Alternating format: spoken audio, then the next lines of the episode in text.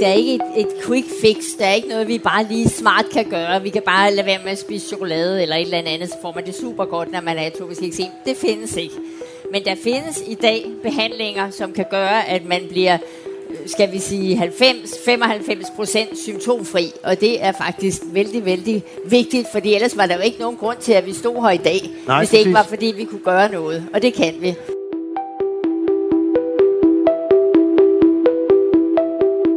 Det her er Tove Agner, som er klinisk professor ved KU og overlæge i dermatologisk afdeling på Bispebjerg Hospital. Og sygdommen, hun taler om, er atopisk eksem.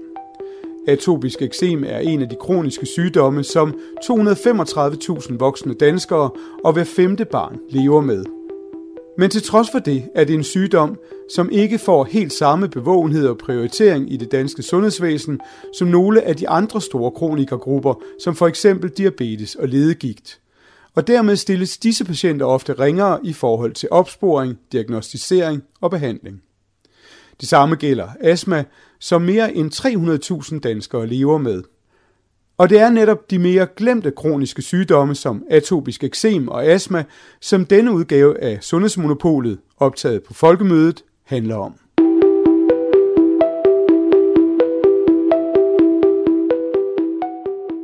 Vores sundhedssystem er udfordret. Fra en befolkning, der lever længere og som får flere kroniske sygdomme. Fra mangel på personale og kapacitet på sygehusene og fra udviklingen af nye innovative behandlinger, der udfordrer vores sundhedsbudgetter. Vi befinder os med andre ord i en brydningstid med behov for at tænke nyt. I denne episode af Sundhedsmonopolet medvirker Jens Henrik Thulesen Dahl, sundhedsordfører for Danmarksdemokraterne, Torben Mogensen, formand for Lungeforeningen, Celeste Porsbjerg, professor, lungemedicinsk afdeling Bispebjerg Hospital, Tove Agner, klinisk professor ved KU og overlæge, dermatologisk afdeling Bispebjerg Hospital. Mit navn er Morten Bro Bigel. Velkommen indenfor.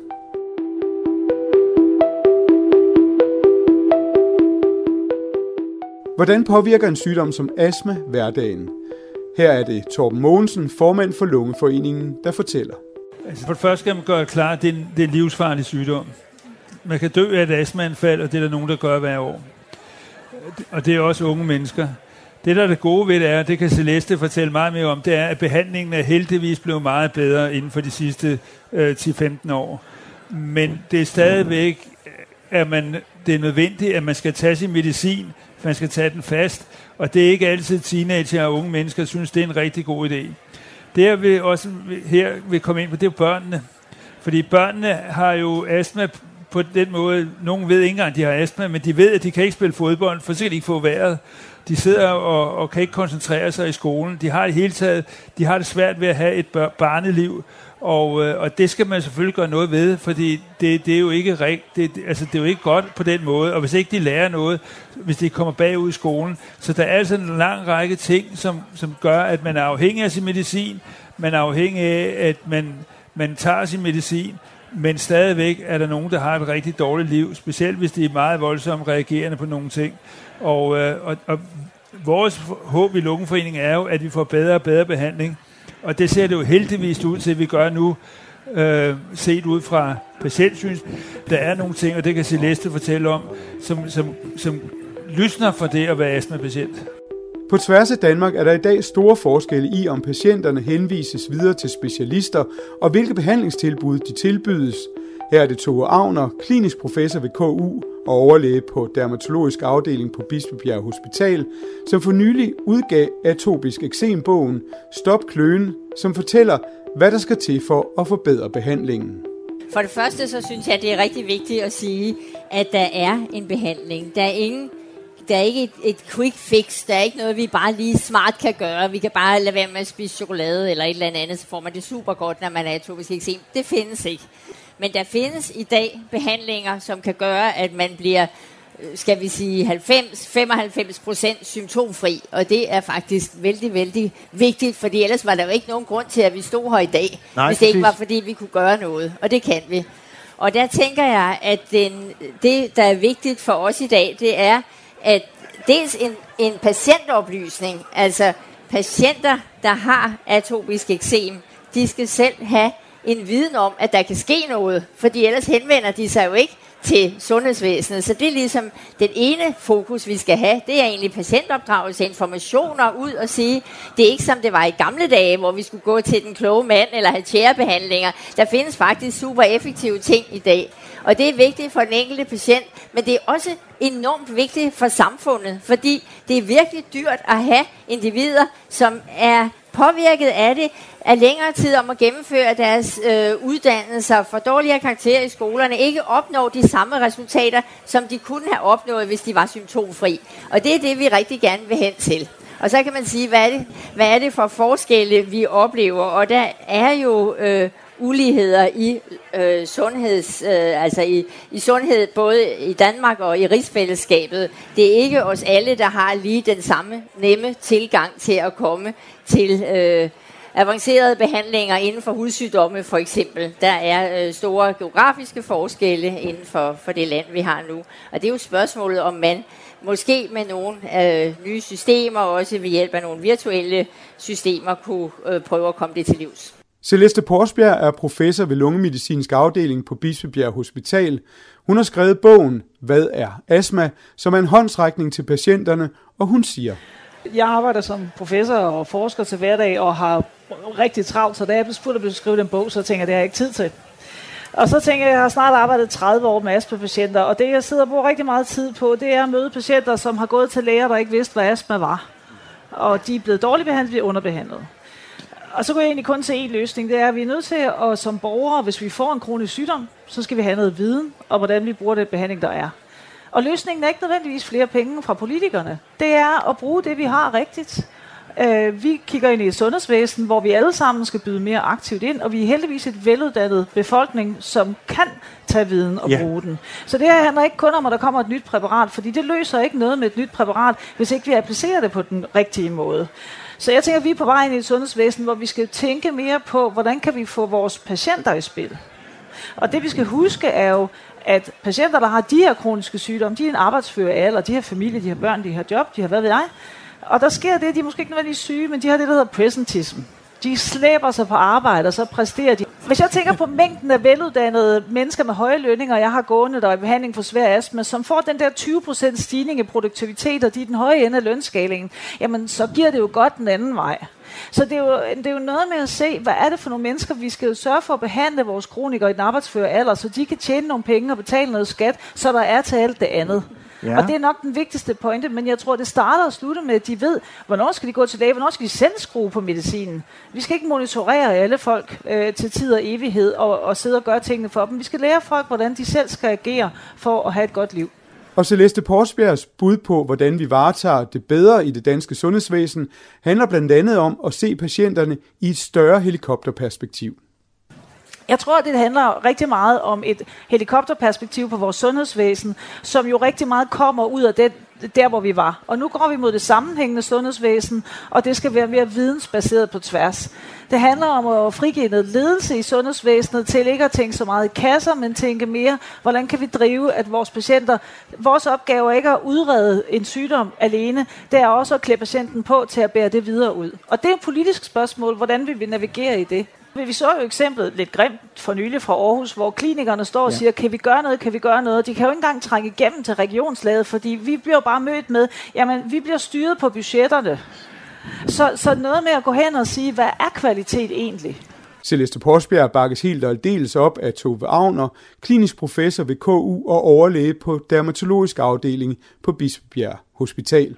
Vi skal tage udgangspunkt i vores øh, patienter, og så øh, øh, ja, så tag den derfra, og så også med det store overlap, vi har, også når man har eksem, har man ofte astma, når man har astma, har man ofte eksem, altså at vi også på den måde øh, går et step op og siger, vi skal have et helikopterperspektiv og prøve at få øh, det her koordineret noget bedre, også for den enkelte patient.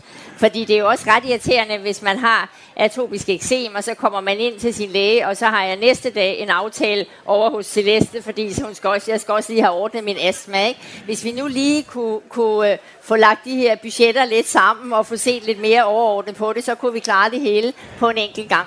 Og det kan være, at vi begge to skal sidde sammen. Det kan også være, at man kan, kan lave noget virtuelt eller noget andet, som øh, er lidt mere rationelt. Men det er helt sikkert noget, der vil være, være øh, gavnligt for, for patienterne.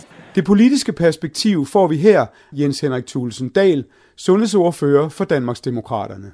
I har jo mange af løsningerne. I ved sådan set godt, hvad man, hvad man kan gøre, og I kunne gøre det i samarbejde, kunne jeg høre. Så vil man jo løse noget på tværs. Ej, det, og det er ikke for at gøre det til ingenting, men jeg tror, at systemerne som sådan kan rigtig meget. Og så er det også, der skal sørge for, at der er nogle rammer. Altså man kan sige, det er lidt tidligere i dag, der var jeg til en tilsvarende debat, der handlede om øh, astma og allergi. Og hvad kunne man gøre der? Og der bliver jeg orienteret om, hvad jeg faktisk ikke vidste, at der var en rapport fra 17, som egentlig beskrev nogle anbefalinger til, hvordan man greb det fat. Og det havde noget at gøre med, at patienterne skulle vide noget, de praktiserende læger skulle vide noget, strukturen omkring de overordnede videnscentre, hvor jeg tænker, der sidder I jo i dem, hvordan man får den viden ud. Øh, og der var konklusionen sådan set, at når den rapport, den kører vi øh, frem og tilbage til regionen lige i øjeblikket, og den var godkendt, at så håbede jeg, at vi kunne få den, og så egentlig implementere den. Fordi der var nogle helt konkrete tiltag til at skabe de rammer, som forhåbentlig gør, at man kan sikre, at øh, man, man, man også har tilbud, og også har det ud over hele landet. Fordi det er jo, nu, det er jeg godt klar på, det, det er også skævt.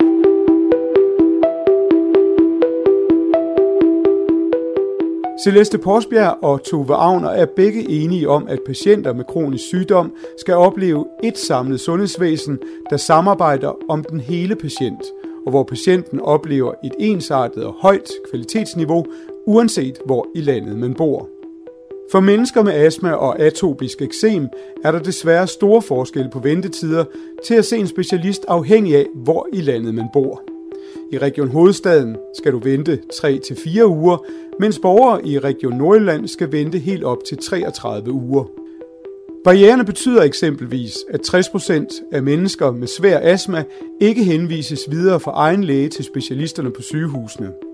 Det er en udfordring, fordi de dermed ikke bliver tilset af en specialist på en hospitalsafdeling, der kan tilbyde en anden behandling, som kan afhjælpe deres udfordringer og dermed hjælpe dem med at opnå sygdomskontrol. Her er det Celeste Porsbjerg, som giver sit syn på udfordringerne. Der er ingen centre for behandling af astma og svær astma. Der er ikke nogen struktur for, hvor du egentlig skal søge hen. Det er noget, man ligesom skal klare mellem sig selv. Jeg ved ikke rigtig nede i det sundhedsfaglige råd eller et eller andet, men bare for at sige, i dag er det jo et lidt et lotteri, hvor du er som patient. Hvis du er patient nede fra Lolland Falster for eksempel, så skal du være meget heldig for at møde en lungemediciner, der kan noget. Øh, hvem har besluttet, at der er så få lungespecialister i Danmark, som der er? Så, og jeg ved godt, det hele skal ikke besluttes op fra Christiansborg. Nu, nu, nu i talsætter jeg bare noget af det, man møder. At der, at, der, at der er ikke nødvendigvis det her blik på, hvad er det egentlig for et behov, der er, når man allokerer antallet af eksperter. Og det giver jo så sådan nogle ventetider som det der. Så der er klart nogle problemer. Tove Wagner, klinisk professor ved KU og overlæge på dermatologisk afdeling ved Bispebjerg Hospital, peger her på en af de mulige løsninger. Det bedste, man kan gøre, det er at ophæve kassetænkning, og ligesom også forstå, at hvis man kan behandle i bund, så kan det godt være, at det koster lidt mere at behandle, men så sparer man sådan set penge på uddannelsesudgifter og meget andet. Det er den ene pointe, og den anden pointe er, hvis det er patienter, der har multiple sygdomme, som hænger sammen, så er det rigtig vigtigt også at få organiseret det inden for organisationen, at man kan, kan behandle begge dele samtidig. Multisygdom eller det at have to eller flere kroniske sygdomme er en udfordring for både den enkelte borger, sundhedsvæsenet og samfundet og er forbundet med nedsat livskvalitet og funktionsevne. Patienter med multisygdomme har et øget antal besøg i sundhedsvæsenet og længerevarende hospitalsindlæggelser samt højere risiko for tidlig død. Tal fra Statens Serum Institut viser, at kun 30% af danskere med multisygdom mellem 18 og 64 år er i beskæftigelse eller under uddannelse. Derfor er multisygdom forbundet med store økonomiske udgifter for sundhedsvæsenet og for samfundet. Af de mere end 500.000 danskere, der er ramt af astma eller atopisk eksem, er godt de 50.000 hårdt ramt, hvilket går ud over den enkelte, deres familier og samfundsøkonomien. Men sygdomsområdet er underprioriteret, og patienterne får dermed ikke den fornødne hjælp til at holde sygdommen i ro. Hvordan sikrer vi, at de to sygdomsområder kommer på den politiske radar og bliver prioriteret? Her er det Jens Henrik Thulesen Dahl fra Danmarksdemokraterne. Det jeg har hørt fra jer, det er, at der faktisk findes øh, behandlingerne. Der findes det, der skal bruges. Men, men der mangler viden og struktur og rammer. Og jeg tænker, det er vores opgave og sørge for, at der kommer de rammer, der gør, at, at man kan brede det ud. Og det er der, jeg laver koblingen over til øh, eksem og allergi som sådan, fordi det, det de efterlyser, det er jo sådan set de samme rammer og de samme strukturer. Så er det selvfølgelig forskellige viden afhængig af, om det er den ene type eksem og den anden type eksem og den ene allergi. Og, altså, på den måde er det selvfølgelig forskelligt.